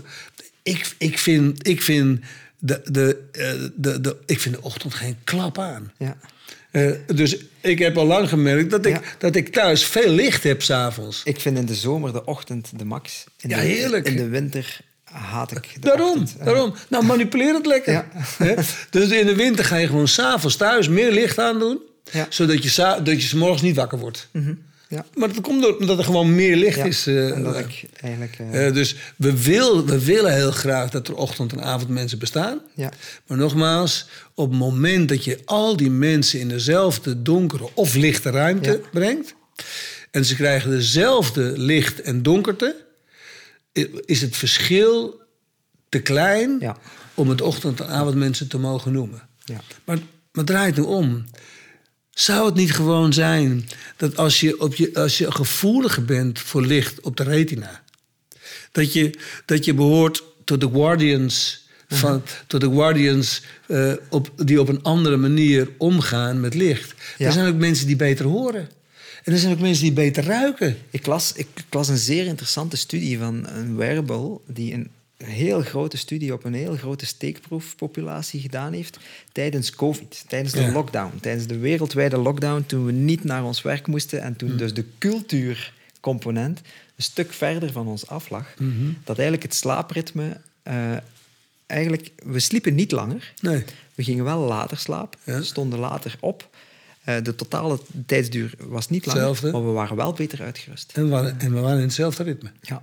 Eh, En wat gebeurt. Maar, maar, maar geloof me, de zon en de maan zijn niet veranderd. nee, dat klopt. Die waren echt hetzelfde. Ja. dus Dat, dat noem je nou free range rhythm. Ja. Dus eigenlijk zouden we eens een, een jaar of twee in lockdown moeten gaan om een control-alt-delete van, van de natuur versus cultuur eh, discussie te... Eh, wij hadden mazzel dat ik... Dat ik, eh, ik was in, in Lanzarote, mijn vrouw komt uit Lanzarote... dus we konden niet reizen, dus we moesten in Lanzarote blijven. Ja. En eh, ik heb ben drie Klinkt maanden... ook in niet als een straf, eh, Nee. het was goed, het was lekker weer ook. Hè? Maar het is schitterend weer. Maar, maar wat helemaal ongelooflijk was... Hè, dus de, eh, de zee, de zee was zo helder. Ja. En, er waren, en, en, en in drie maanden tijd... eh, want dat, moet je niet, dat moeten we niet onderschatten. Als wij plots dolfijnen in Napels of, of ergens in een waren, of waren, Venetië. weet waren, weer kreeft op het strand. Ja. Dat je denkt, eh, hoe is dit in gods... In drie maanden tijd liepen er weer krabben op het strand. Ik, dat heb, ik heb dat 30 jaar niet gezien. Ja. En wat was het mooie natuurlijk, hoe kwam dat? Eh, Het, dat water is altijd zo troebel. Hè? En, en- en dan denk je, waar- waarom is dat zo troebel? Dat is, dat is allemaal die, die, die, die oliën, de zonneolie. Ja. Dat maakt het water troebel. En, die, en die beesten die kunnen dan, die komen niet op het strand. Dat water was helemaal helder.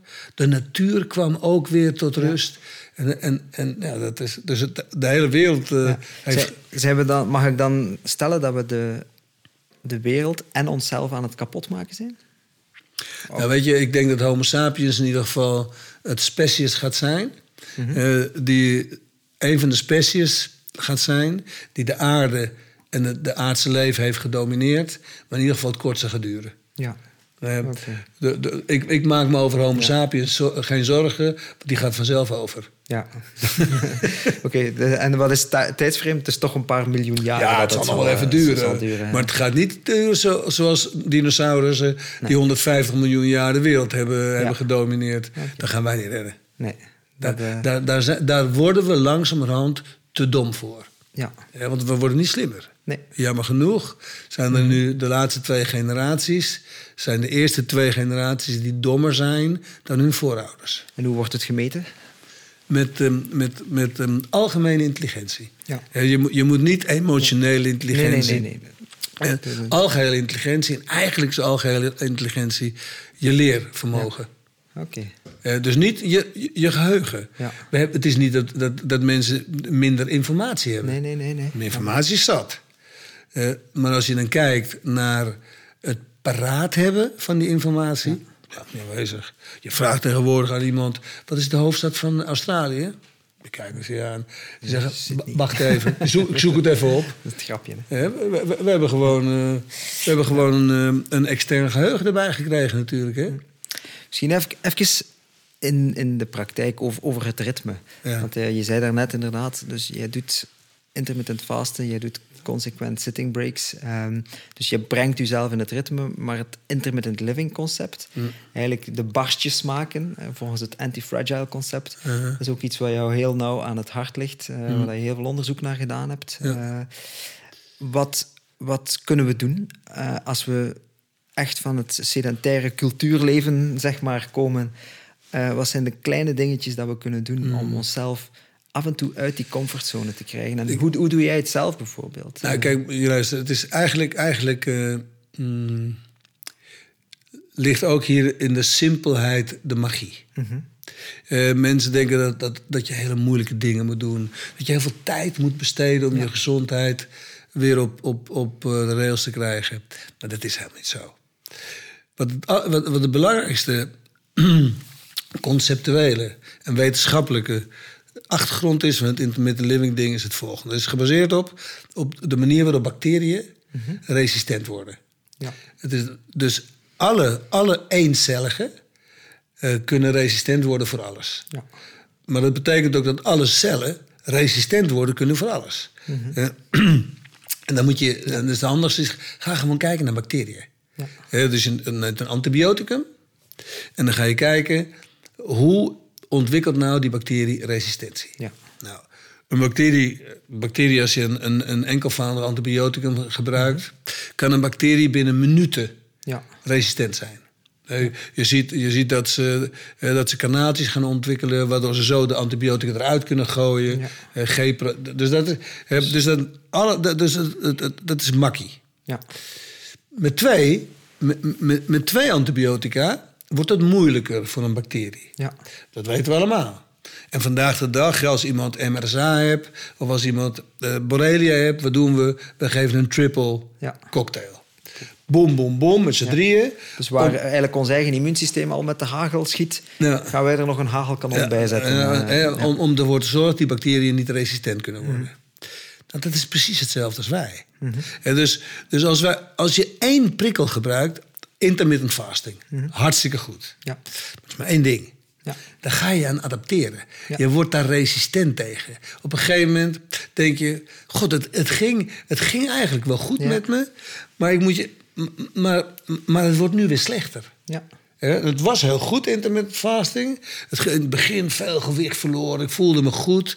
Maar ik voel me nu niet zo goed meer. Ja. Je wordt resistent. Tenzij dat je extremer gaat vasten. dan. Ja, maar dan moet je nog extreem, moet je, Mhm. dan moet je heftige calorie restriction gaan doen. Dan word je een soort kadaver. En wat moet je dan doen om het op te lossen? Nou, do- doe er een ding bij. Net zoals, doe, Ja. doe, een twe- doe een tweede ding erbij. Ja. Ga eens een keer De thermoregulatie bijvoorbeeld. eh, Ga eens een keer een koude prikkel erbij doen. Of een hitteprikkel. hey, die twee, dat, dat, dat is al moeilijker om daar je aan aan te passen. Ja. Maar het net als bij die bacteriën. Doe er in ieder geval drie. ja. Hey, ik kan, ik, kan, ik kan een onder, ik, ik kan een ademoefening doen. Maar hè, ga ik kijken, moet ik wel goed te kijken naar de dosis. Ik zou, ik zou niet 15 minuten mijn adem inhouden, want dat zou dus te veel kunnen zijn. dat kun je wel bij voorstellen. Daar kan ik mij inderdaad iets bij Ja. voorstellen. Dus je doet, een, je doet een ademhalingsoefening erbij. Heb je er drie? Oei, Ja. dan wordt het al heel moeilijk om niet resilient te worden. Ja. Dus nu ga je een stapje verder. oh, Dus je eh, traint eigenlijk je lichaam. eh, En waar ligt het eindpunt dan? Eh, ligt het dan als we 100 zijn? dat we en ik, ik denk intermittent dat, vasten ik, en ik, ik denk dat als we, als, we, als we drie prikkels afwisselend gebruiken, Mhm. Ja, dat dus ook in een ritme gooien eigenlijk. eh. in een ritme. En, dan- en het is niet denken, ik weet, dat leidt echt tot mitochondrale verjonging. Ja, En als, als je mitochondriën kan verjongen, dan heb je eigenlijk dan heb je een, een schot in de roos ge- gegeven. Ja. Eh, want, want, want cellen verjongen gaat helemaal niet. Nee. Er zijn een heleboel cellen die, die kunnen helemaal niet delen. Eh, mitochondriën kunnen wel delen. die kunnen En- delen, en die kunnen vernieuwen. Kunnen talrijker worden, kunnen groter worden. En, en, eh, de, het hart, het hart Ja. heeft die kunnen helemaal niet delen. Ja. Als, als iemand 100 jaar is, is 60% van zijn hart is 100 jaar. Ja. En dan moet je je afvragen, hoe kan, hoe kan één cel 100 jaar overleven? Dat kan alleen maar als het cytoplasma, als het binnen van de cel voldoende vernieuwd is. En als mitochondriën maar continu renoveren. En als die mitochondriën. Maar dan moeten die mitochondriën. Als mitochondriën altijd eten krijgen, Ja. gaan ze dood. Als mitochondriën altijd krijgen wat ze nodig hebben, dan worden ze gewoon fragiel. Ja. Dan gaan ze dood. Dus geef die mitochondriën op een flikker. En weet je wat mitochondriën zijn? Dat zijn bacteriën. Ja, ja, dat- Dat- dus, dat dus, is dus ik heb een hele evolutionair, eh, zijn dus, dus het, me- het metaf- metafoor. Gebruik, ge- kijk naar bacteriën en leer van de bacteriën. En geef hetzelfde aan de mitochondriën. Daar is het intermittent living concept op gebouwd. Kunnen we dat ook toepassen op mensen met chronische vermoeidheid en een chronisch lage energie? Dan? Er is eigenlijk eh, geen mens die immuun is voor de positieve effecten van het intermittent living gebeuren. Je bent er niet immuun voor. Je kan, je kan aan de verbetering Ja. niks doen. Nou wat ik gezegd heb? Je kan aan de verbetering niks doen. Oké, en hoe kunnen we het meten? Want wij, wij, wij zijn mensen en wij zijn groot geworden in een maatschappij die alles meetbaar maakt. Ja. Eh, kunnen we onze mitochondriale gezondheid meten? Of Ja, we... je kan, je, kan, je kan op een gegeven moment natuurlijk je kan indirect meten. Je Mhm. kan indirecte metingen doen via allerlei metabole eh, bloedwaardes. Ja, er komt mijn beroep om de hoek kijken, hè, biochemicus. Ja. Dat, daar, daar kan je allerlei ehm, objectieve veranderingen zien. Ja. De, in vijf dagen tijd gebeuren. Maar er zijn heel vaak dure testen niet terugbetaald. ehm. Eh, dat- maar dat is één, dat is één eh, mogelijkheid. Maar, want we willen wat meten. En, maar, maar we kunnen natuurlijk ook gewoon zo, zoiets simpels meten als, als je energiehuishouding. Eh, dus dus ah, je, je thermoregulatieve capaciteit. Ja. Eh, als mensen, dat mensen weer kunnen gaan zweten. ja. Eh, maar bijvoorbeeld. eh, Of, of, of stoppen met zweten. Want Of na- stoppen. nachtzweten is ook vaak of een mensen symptoom dat, die, dan, eh, die dan die zeggen: hé, hey, ik, ik zweet duidelijk minder. Ja. Mijn slaap is anders. Ik heb minder slaap nodig. Mhm. dat, dat, dat gebeurt, dat gebeurt echt. Hè?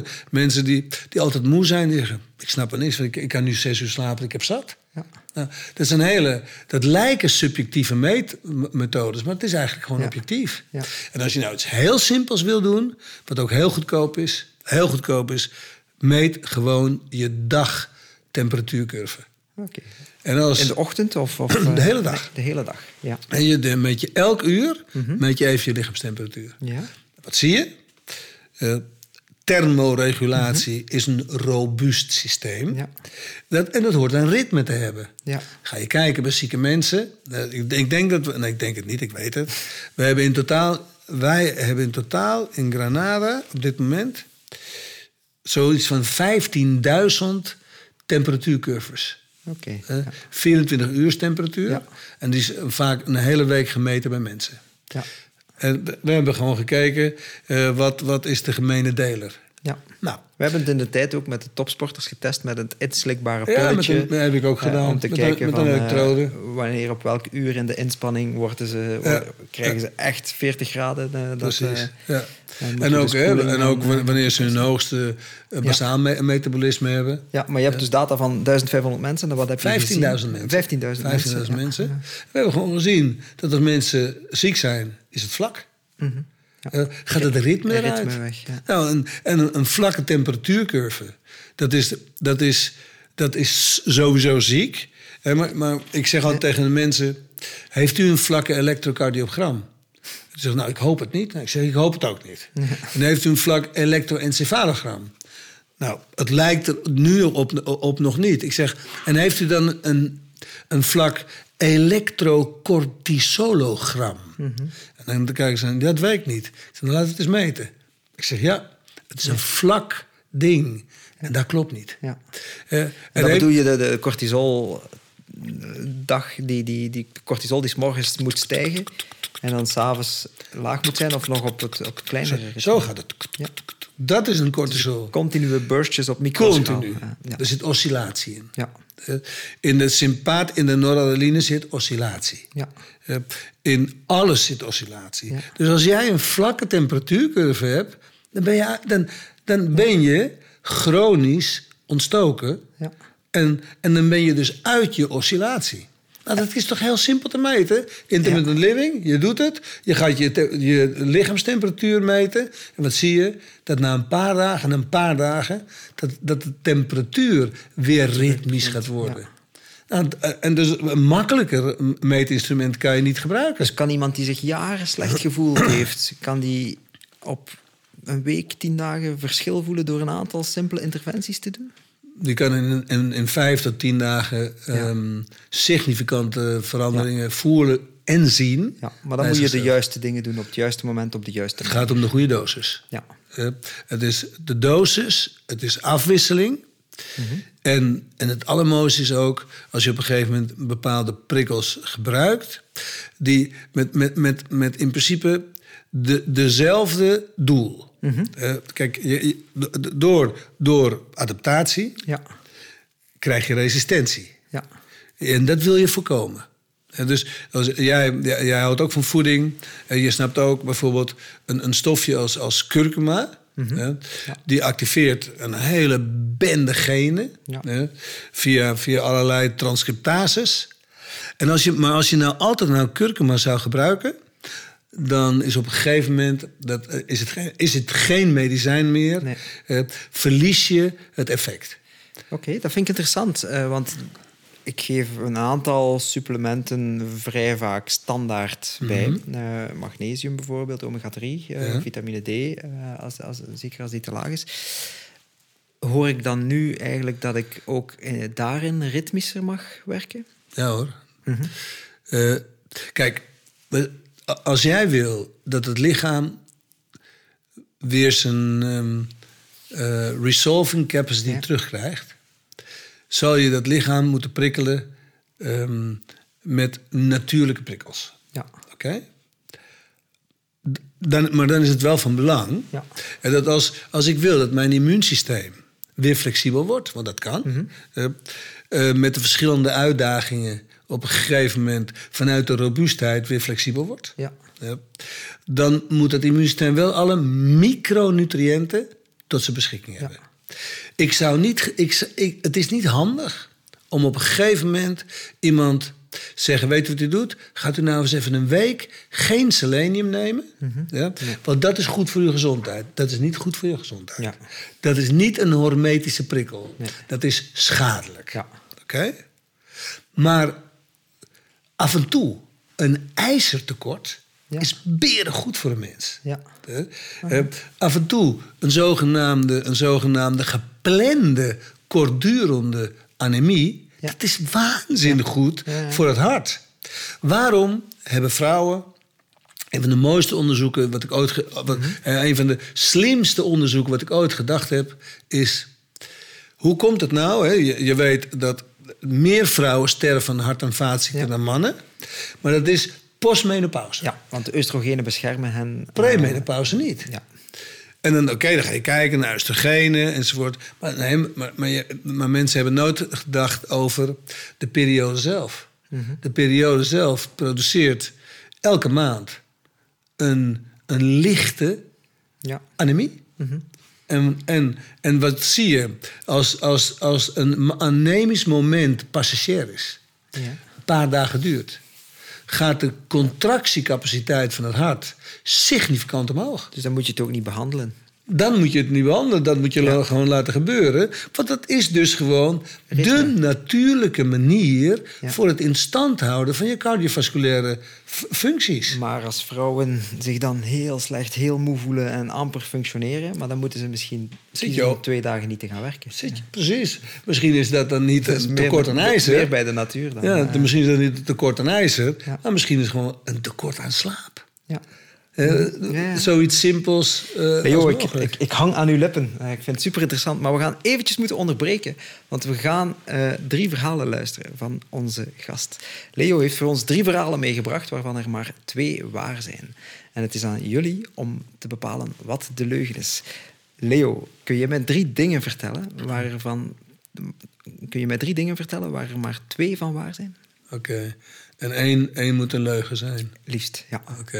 En dan gaan de mensen raden welke de leugen is. En dan, En dan krijgen ze een punt. Of dan twee. krijgen ze een boek van mij en ze krijgen een boek van jou ook. Eh, Oké, dat is eh, mooi. Want je hebt een boek, een heel tof en mooi boek geschreven. Eh, de terugkeer van Homo sapiens, wordt weer mens. Het is niet alleen wetenschappelijk heel straf geschreven, heel mooi onderbouwd, maar er staan ook heerlijke receptjes in. Eh, en dan gaan we, ga ik straks vragen om dit boek te tekenen. Prima. En dan sturen we dat naar de winnaar. Oké, mooi. Nou, het eerste verhaal. Ehm, ik moet even, nou, ik, vind, ik moet even nadenken. Ik, eh, want ik, want, ik, denk, dat- ik, moet, ik moet ook even nadenken over een niet waar verhaal. Dus ik ga. Dus ik, als, geef me eventjes één seconde. Dat mag wel, denk ik. Zeker? Kunnen, we er ook uitknippen hoor. Ja, absoluut. Ik kan ook jouw wetenschappelijke referenties erbij pakken. En dan mag je zelf kiezen om er eentje bij te verzinnen dat niet waar is. Maar daar, ik ga straks Nee, nog, ik vind het, ik vind het nog met jou door, door een, een aantal dingen die ik echt wil weten vanuit de Nee, ik vind, het- ik vind het wel leuk. Nou, het eerste, eerste verhaal is... ehm, ik was eh 17 jaar. En toen eh, werd ik gescout door een Ajax-scout. En dat was de zesde keer in mijn leven dat dat eh, gebeurd was. En ik heb zes keer heb ik, heb ik, eh, het aanbod afgeweerd. Terwijl ik zes keer, zes keer ja, eh, de kleding van Ajax al thuis heb gehad. Dus ook op mijn zeventiende heb ik het weer afgeweerd. Want ik kwam uit een straat in Amsterdam. En, en we hadden niks met Ajax. We waren Ja. voor FC Amsterdam. En, en toen ben ik dus ook op het einde ben ik in FC Amsterdam gaan voetballen. Oké, Dat dus, was het eerste verhaal. dus je had een internationale voetbalcarrière kunnen Ik had, hebben. een in, ik had een internationale voetbalcarrière kunnen hebben. Ja. Maar ik heb dus in FC Amsterdam gespeeld. En ik heb ook in de Eredivisie gespeeld. Ja, dus ik ben, ben wel degelijk profvoetballer geworden. Ja. Dat is verhaal 1. Verhaal 2. Dat is ook gerelateerd aan de sport. Eh, vier jaar geleden. Ik wil al zo lang een keer wereldkampioen worden. Dus ik dacht, ik ga, ik ga wereldkampioen worden in, in paddel. En in Padel, Nederlands ja. noemen het padel, maar in Spaans heet het paddel. En ik denk, ik, in het voetbal red ik het niet meer. Ik ga het maar gewoon in het paddel doen. Nou, dus toen eh, ben ik gaan trainen. En al- en als ik in Lanzarote ben, train ik dan elk Ja. wel, wel zes uur per dag. En, eh, nou, op een gegeven moment was het dus zover dat ik denk van nou, met, met deze, deze partner zou dat wel eens wat kunnen worden. Ja. En toen zouden we naar een eh paddle, zo'n zo'n World Paddle. Tour toernooi gaan om ons daarvoor te, voor te klassificeren. En de dag voordat het toernooi begint, scheur ik mijn hamstring. Hey. En toen moest ik het opgeven, toen kregen we COVID. Nou, en nu eh, ja, dan moet ik kijken Ja. of ik toch nog wereldkampioen kan worden. Oké. Ja. Dat is verhaal 2. En het derde verhaal is dat eh, ik was eh 18 jaar. En toen ging ik voor de 424ste keer door mijn enkels. Als voetballer geweest. hè? Als voetballer. maar ik ging nooit, ik deed er nooit wat aan. En toen ben ik, eh, ik denk, ik moet hier maar eens wat aan gaan doen, want ik geloof nou niet dat dat echt eh, goed is. En toen eh, ging ik dus naar het ziekenhuis en de, en de orthopeed die, die onderzocht me. Die maakte een foto. En ik had hele kromme benen. Ik had ehm, 33 graden val, Ja, varus links en 30 graden varus rechts. Dus dat was erg veel. En dan zei hij, ik kan niks tegen je voor je enkels doen als ik je niet opereer. Nou, toen dus hebben ze een, eh, een, een, een beidezijds een, een, eh, een, eh, valgocetomie gedaan. En eh, dus alles, alles is fout gegaan. Ja. Alles is fout gegaan. Ik kreeg een osteomyelitis. Ik kreeg een, een, ehm, een compartimenten- een compartimentsyndroom. En Toen ben ik, ben ik, vijf, ik ben in vijf dagen vier keer geopereerd aan één been. Elke keer met totale anesthesie. Maar ik heb die vijf dagen niet meer bewust meegemaakt. Nee. Dus ik wist van niks. Ik wist van niks. Je brein uitgeschakeld op dat moment. Maar ik, ik blijk dus wel gewoon gefunctioneerd te hebben. Ja. En toen kom ik uit, in de vijfde dag kom ik uit eh, die trance. En dan ben ik een verpleegkundige aan het zoenen. Dus in het, ik weet niet hoe dat gegaan Wow. is. Nou, ik weet niet, en ik weet ook niet of het waar is, maar zo is het echt gegaan. Oké. Dacht ik. Dan gaan we, ja, heel benieuwd. Dus verhaal 1. Leo heeft een carrière als profvoetballer niet bij Ajax, maar bij FC Amsterdam. Eh, dat is een beetje te vergelijken, denk ik, eh, bij wat wij zeggen, de ploeg van stad. Of, eh, de... Twee, de ambitie is om wereldkampioen padel te worden. En dat was bijna gelukt, waar het niet dat de hamstrings gescheurd waren en dat toen COVID gekomen was. En drie, er is een knieprobleem geweest aan de beide kanten met operaties. En eigenlijk een blackout van vijf dagen eh, met op het einde een happy end met de verpleegster. Eh, ik, zal het zo, ik zal het zo samenvatten. ja. Oké, Leo. We zitten in het laatste deeltje van, eh, van deze podcast. En ik heb eigenlijk een referentielijst meegebracht met allemaal studies. Het zijn, het zijn zelfs nog niet eens al jouw studies. Het zijn de meest recente, waar ik een aantal zaken zou willen uitpikken om het in een praktische uitleg van jou, van jou eventjes te krijgen. Eh, een studie bijvoorbeeld waarbij dat je als titel gebruikt gluten is morphine. Eh, dus de gluten, hè, waar heel veel over gesproken wordt, eh, waarbij dat je eigenlijk zegt van ja, ze zijn even slecht als morfine. Eh, is dat zo? Oeh, ik weet niet of het even slecht is, morfine. Ik weet niet of morfine zo slecht is. Eh, ik denk dat morfine heel erg goed is.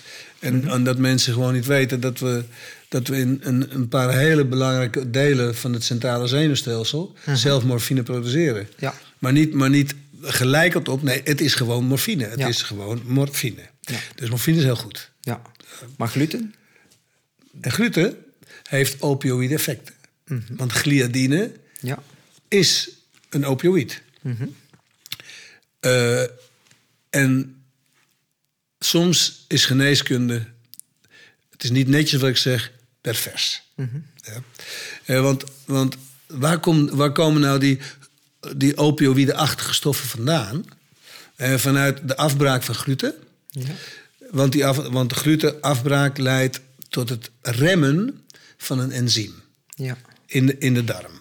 Dat enzym is eigenlijk evolutionair gemaakt voor de afbraak van drie hele andere stoffen. Eh, een, een daarvan dat heet substance P. Maar de andere twee eh, zijn heel interessant in het kader van het begrip over waarom politici, waarom eh, eh, voedingscommissies vinden dat we veel eh volkorenbrood moeten eten Ja. En veel melkproducten moeten nemen. Want daarvan, van, daarvan is bewezen dat als je dat doet, dat, dat je een betere glucoseregulatie hebt en minder kans op diabetes type 2. En dat is niet onwaar. Dat is ook echt waar. Oké. Het enige is, het enige is de perversiteit. Comes with the price. Eh, Ja, ja. De perversiteit ervan is dat niet uitgelegd wordt hoe dat werkt. Ja. Nou, dat gluten en het caseïne, wat daar allebei in zit, hebben allebei dezelfde effecten. Blokkeren dat ene enzym. Dat heet T- DPP4. Ja. Dat is niet zo belangrijk. Maar dat enzym breekt normaliter twee andere substanties af. Eh eh, increstine, zo heet Ja. dat, GIP en GLP, dat is ook Ja, niet zo. dat is een maar, die beetje wat zijn, de- de maar die zijn verantwoordelijk voor Dat is insulinegevoeligheid. wat de nieuwe medicatie die we... De, Ja, ja, D- van deze wereld, eh, DPP-4-remmers. eigenlijk gaan doen. ja? Nou, dus die DPP-4-remmers, gluten is een gewoon natuurlijke DPP-4-remmer. Ja. En caseïne is een, is een, is precies hetzelfde, is een natuurlijke DPP-4-remmer. Ja. Dus wat heb je? Betere glucoseregulatie, halleluja, Ja. we zijn blij. Ja. Het heeft echter een kanttekening. Mhm, ja. Als wij boven 4,5 gram gluten en caseïne per dag komen, Ja. is er geen mens op de wereld die dat tegen kan. Ja. Maar je hebt er geen erg in. Ja. Waarom heb je er geen erg in? Het heeft opioïde werking. Eh, dus hoeveel mensen hebben eigenlijk last van gluten en caseïne, maar ze merken er niets van? Mhm. Maar Z- 86 hun immuunsysteem is wel continu aan het werk. aan het werk en aan het En werk. dan daarom gaat die gaat gewoon kapot. Ja. Die gaat gewoon kapot. Maar om, door de opioïde werking merk je het niet. Ja. Want het, het voelt niet als kapot, maar het gaat kapot. Ja. Jaren later, dat- en zulk, on- zulk onderzoek moet je ook jaren Ja. volgen. Jaren later, IBS, Mhm. colitis ulcerosa, de ziekte van Crohn. Maar we kunnen, we, kunnen het laboratorium niet laten zien dat het deze weg is, want het gaat om accumulatief effect. Ja. Dus krijg je nou iets van een broodje, je krijgt niks van een broodje. Maar je krijgt wel van elke dag een broodje, daar krijg je Mhm. Ja. het van. Dus dat is jouw advies eigenlijk. Tuurlijk. Geniet er af en toe van. Gen- Geniet er maar. Maar, Maar, pas wel op dat, de, dat beide groepen voedingsmiddelen silent killers zijn. Ja. Dus eh, zowel de caseïne uit melk als de gluten uit het brood. Precies. Eh, en dan hebben we nog een substantie in melk, hè? eh, lactose. Ja. Eh, daar gaat een andere studie over. Ik ben nu eventjes kwijt wat de titel was. Maar uw titels vind ik wel altijd heel, heel leuk gekozen. Maar lactose, kunnen we daar tegen als Westerlingen? Nou, als ik, jou, als ik naar jou kijk, jij kan er tegen. Mhm. Je hebt blauwe ogen, je, hebt, je hebt blond haar en je hebt een witte huid. Dus dat betekent dat eh, je bent lactase persistent. Oké. En, en dat betekent dus dat jij in principe, als er niks raars gebeurd is, je hele leven lang lactase kan produceren. Ja. Mensen die dat niet kunnen, eh, die hebben dus een lactaseproductiecapaciteit. Zolang ze moedermelk krijgen, valt de moedermelk weg. eh, kunnen ze ook Valt geen lactase, lactase meer produceren. Dat kunnen ze niet meer doen. Ja. Dus we hebben dus een heleboel mensen op de wereld die eh lactase persistent geworden zijn. Ja. En, en, in, en in dat gedachtegoed. Dus lactase persistent wil zeggen ze kunnen tegen lactose. En altijd lactase. Dus Ja. lactase eh, is verantwoordelijk voor de afbraak van lactose. En, en als je dus lactase persistent bent, kan je altijd lactose afbreken. Ja. Dan heb je daar geen last van. De gedachtegoed daarachter is dat we dus aangepast zijn aan melk. Natuurlijk. Want dat, eh, eh, dat, dat, dat- ja, het, is, het is niet eens zo gek dat mensen dat, Ja. dat gaan bedenken. Maar dan moet je wel me uitleggen waarom er, waarom er populaties zijn die geen melk drinken en lactase persistent zijn. Daar, s- daar snapt geen mens wat van. Ja. Oh? Ja, moet u luisteren, hè? die groep mensen daar, die, is die, die kan hun leven lang lactase persistent zijn, eh, eh, maar ze hebben nog nooit melk gedronken. Ja. Wat, wat denkt, waar, waar, waar dient dat ding dan voor? Dat is, Ja. eh, wat een raar ding. Waar dient het voor? Voor de afbraak van toxische alkaloïden. Eh, Ja, en die toxische alkaloïden komen wanneer vrij? in planten. Ja. En, en, maar we hebben natuurlijk gewoon toxische dingen gegeten. Ja. Maar hele toxische dingen. Eh, en, en als je... eh, ik zal je een voorbeeld geven. Ik kan geen koffie drinken. Ja. Eh, eh, ik, heb een, ik heb dus een, een genetische afwijking, Ja, een polymorfisme, wa- wa- waardoor ik caf- cafeïne niet kan afbreken. Ja. En dat betekent dat als ik ook een koffie drink, dan, dan ruik je dat zeven maanden later nog steeds in mijn mond. Ja. Maar als ik melk toevoeg, niet. Oké. Want wat doe ik? Als ik melk toevoeg, ga, ga ik lactase produceren. En dat lactase helpt met de afbraak van, de, van de toxische stoffen in de melk, in, in de koffie. Van de voor mij toxische stoffen. Ja. Mensen moeten niet onderschatten hoe gezond koffie is. Mhm. Go- Koffie behoort tot een van de allergezondste voedingsmiddelen. Zolang je, er maar, zolang je er maar mee om kan gaan. Tegen- Ik kan er niet goed mee omgaan. Ja. Maar met melk heb ik nergens last van. Ja. Nee, maar ik heb nergens last van. Daar is lactase voor gemaakt. Ja. Hier had ik nog een, eh, een mooie titel, eh, waarbij je zei van chronische pijn. Dat is een ziekte van non-gebruik. Van eh, een ja, onderbelastingsziekte eigenlijk. Hmm. Ja. Eh, Nee, van non-gebruik. van non-gebruik. Dat is niet dat, dat is iets Ja. anders. Oké. Ik zou je een, een, een voorbeeld geven. Dat, dat, die heb ik in 2007 al gepubliceerd. Ja, klopt, inderdaad. Eh, en, en we hebben net een publicatie uitge- uitgebracht over de frozen shoulder. ja. Oh, dat, komt goed uit, want ik, heb ik heb een klein scheurtje in mijn schouder opgelopen. En ik heb dus een paar maanden minder actief geweest. En ik kan ja, niet de full range of motion Oké, op dit moment. Dus ik ben zeer geïnteresseerd eigenlijk. Oké. ja. Eh, dus, dus eh, nou, eh, in 2007, hè, die, paper is gebaseerd op, op, ehm, op onderzoek van 124 mensen. Mhm. die, die dus op een gegeven moment de pijn ging verchronificeren. En toen hebben we de, de NICLEC-status gemeten. Hm. Dus gewoon gemeten in hoeverre is dat geblesseerde deel van het lichaam eigenlijk Vergeten. uit, uit de hersenen verdwenen. En wordt het dus niet meer aangestuurd. Ja, maar is het weg, maar dan is het weg uit de hersenen. Ja. Nou, en als iets natuurlijk weg uit de hersenen is, dat, dat is ook eng. Ja, want als her, dat is net zoals een fantoompijn. Ja. Fantoompijn is niet meer en niet minder. De hersenen die schreeuwen om het, om het, eh, het afwezige eh, orgaan. Ja. Dat is fantoompijn. Ja. Nou, dus als jij een leesje hebt opgelopen en, je, en daarna beweeg je niet meer, Mhm. Omdat het pijn doet. omdat het pijn doet, verdwijnt het orgaan, verdwijnt het ding uit de sensorenmotorische cortex. Dan kan je ook echt aanwijzen en dan zie je hè, dat, dat de projectie van zo'n deel van het lichaam wordt heel wazig. Ja. En dat moet je weer scherp maken. Dus het, is, het, is niet, eh, het is niet een orthopedisch probleem, om het in de hyperdiversificatie van de geneeskunde, maar het is eigenlijk een, neurologisch. neurologisch probleem. Het is een neurologisch probleem. Dus revalidatie dient niet om een spier weer sterk te maken, dat dient eigenlijk om de hersenzone te Ja, en eigenlijk moet je gewoon Central Nervous System Training doen. Nou, Mhm. Ja. en, en dat betekent eigenlijk... Oké, ik kan... Dus dat kan je zonder je spier te bewegen. Eigenlijk. Zon- ik, kan- ik, ik, ik, ik, ik kan het zelfs virtueel doen. Mhm. Nee, Ik kan net doen of ik beweeg. Ja. Ik, kan, ik kan me zelfs voorstellen dat ik beweeg. Ja. Maar dan moet ik wel doen. Dan moet ik het, als ik dat maar, zo heet dat, neurotraining. Maar dan moet ik dat wel Consistent vaak genoeg herhalen. Er zijn mensen die pianoconcerto's leren spelen hebben. Eh, dat is ook een studie geweest. Eh, ik weet niet of dat je die ooit gelezen hebt. Eh, die pianoconcerto's leren spelen hebben gewoon door de visuele training te doen. Precies, Eh, precies. eh, nooit op een piano geoefend. En dan kwamen ze aan de piano en konden ze perfect, konden spelen. konden ze perfect Ja. voor het hoofd maakt het helemaal niks uit of het echt of niet echt is. Is dat de kracht van het brein? Want dat is dan hier een andere titel, ehm, waarbij dat je het eigenlijk over de kracht van het brein ergens had. Ik kan er nu niet direct op komen, maar de kracht van het brein, dan Hmm. zijn we maakbaarder dan dat we denken. Ja. We, we, we begonnen, eh, begonnen de podcast op een gegeven moment hè, van PNI naar IMP. Mhm. maar, de- maar, maar dat schieten, ik ga er niet in doorschieten.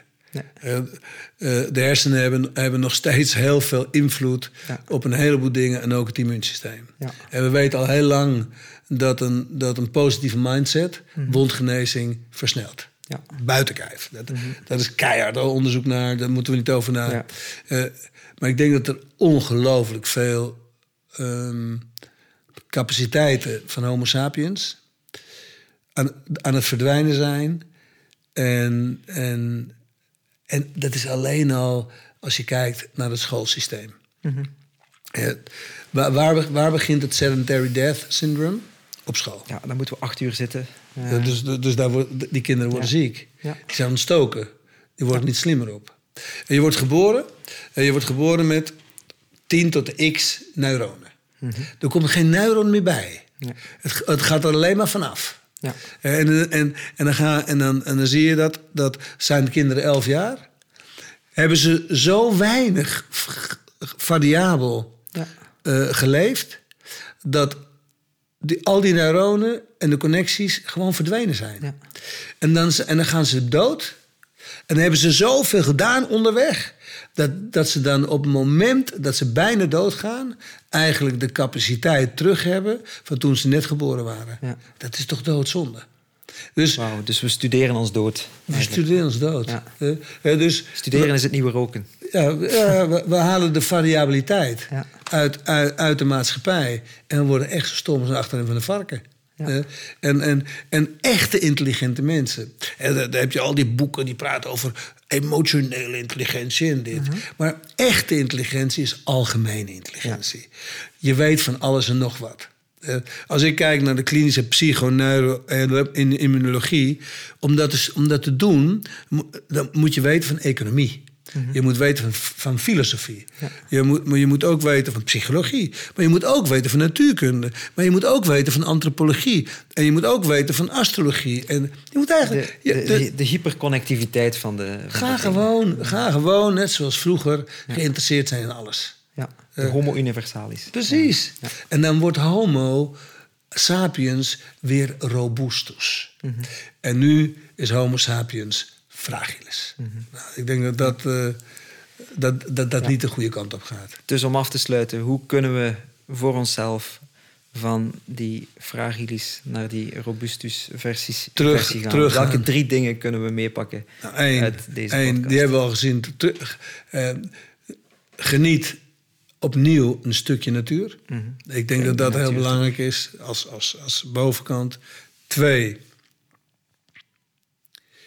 neem de tijd om je te vervelen. The benefit of doing nothing. Eh, Ja. eh, dat betekent dus, als u even niks te doen hebt, neem dan geen telefoon in uw, in uw handen. Geef de verveling de mogelijkheid om opnieuw creatief te worden. Eh, Ja. Dat is de tweede. En dat leidt ook tot minder piekeren. Ja. Eh, mensen piekeren omdat ze overdag niet de tijd hebben genomen om even na te denken. Ja, en het ramgeheugen overbelast is. Dus, eh, dus één uurtje minder digitaal Mhm. betekent, net zoals het ene uurtje in het bos, een waanzinnige verandering voor. zeven uur per week. Dat, is, dat is een volle werkdag per week bijna. Precies, Ja. hè? En dat noem je echt de benefit of doing nothing. Dat zou mijn tweede zijn. Ja. En de derde is, laat u niet in de maling nemen door al die mensen die een boek hebben geschreven over een dieet. Op het moment dat een wetenschapper vindt dat hij aan een dieet zijn naam moet verlenen, wordt het heel, wordt het heel eh, eh, noodzakelijk om uw gevoelsantennes op te zetten, want zo kan voeding nooit functioneren. Er bestaan geen wondermiddelen, geen one size fits all. Dat bestaat. Iets dat werkt zal voor u tijdelijk werken, want we passen ons aan, ons lichaam past zich aan. Eh, U, u weet, u- we weten allemaal hè, dat er een hype is. We moeten allemaal vegan en vegetarisch worden. Eh, dat is heel ver van het voeding van Homo sapiens. Ja, want die hoektanden zitten hier met een reden. Met, Eh, alle, met alle respect van dien. Ik snap de hype, ik snap de mode. Maar het is voor Homo sapiens eh, niet eh, goed. ja. En ik denk dat dat de drie dingen is die... Ja. eh, Wat is dan de samenvatting van gezonde voeding voor u in drie zinnen? mensvoeding. Mhm. En wat mij betreft is mensvoeding gebaseerd op het in kaart brengen van wat menselijke organen nodig hebben voor hun functie, hun anatomie en energie. En dan kom ik niet, ik kom dan tot geen één dieet wat als dieet uh, bestempeld geworden is. Vegetarische mensen dekken niet de noodzak af. Veganische mensen niet. Macrobioten niet. Eigenlijk alleen maar de mensen die heel gek, die heel gek begrijpen dat als je voldoende vis eet, mhm. voldoende schaal, schaaldieren, voldoende fruit en groenten eet, noten, olijfolie, dat we al 700.000 jaar gebruiken. Hè? Dat moeten we niet onderschatten. Uh, en als je, dat, als je daar lekker af en toe een stuk wild vlees bij doet en wat gevogelde, dan zegt u misschien, maar dan heb ik geen ruimte meer om al die andere dingen te eten. Dan heeft u het juiste besluit genomen. Ja, want die andere dingen, want die andere daar dingen, zijn we niet voor gemaakt. Daar zijn we in ieder geval niet voor gemaakt. En weet u wat u dan doet? En dan gaat u op vrijdagavond, gaat u lekker met uw kinderen, neemt u een heerlijke pizza met vier kazen en neem je als toetje een tiramisu. U drinkt een lekker halve fles wijn en dan heeft u een hormetische ontsteking van uw hypothalamus. En daar krijgt u helemaal niks van, want die andere zes dagen gaat u dat weer repareren. En in elke dag dat u één keer lekker zo mag zondigen, wordt de hypothalamus alleen maar gezonder van. Ja, Leo, ik wou dat het vandaag vrijdag was, want dan nam ik u nu mee naar de Italiaan. maar het is dinsdag, eh, dus we gaan hier moeten afronden. Maar ik dank u heel hartelijk om langs te komen in Spreekuur. Ik heb het gevoel dat we nog niet uitgepraat zijn, dat we mogelijk misschien nog wel eens ooit een afleveringetje kunnen maken. Want uh, ik, uh, ik vind het super interessant. Hartelijk dank om tot hier te komen. Dank. En ook de luisteraars dank ik heel hartelijk om weer een uurtje van uw tijd vrij te maken. Of misschien was het ietsje langer voor Spreekuur. Dank u en tot de volgende keer. Tot ziens. Dames en heren, dit was het derde seizoen van Spreekuur. Al drie seizoentjes van twaalf weken lang heb ik interessante gasten en interessante vragen van jullie mogen interviewen en beantwoorden. Dat doet me enorm, enorm veel plezier. Als je de content leuk vindt, neem zeker eens een kijkje op www.dokterservaas.be. Daar vind je mijn boeken, maar ook de nieuwe e-boekjes die we gemaakt hebben en online trajecten. Met de code Spreekuur krijg je daar ook uiteraard jouw trouwe loyaliteitskorting. Mag ik tot slot iedereen een spetterend 2024 wensen en tot volgend jaar bij Spreekuur.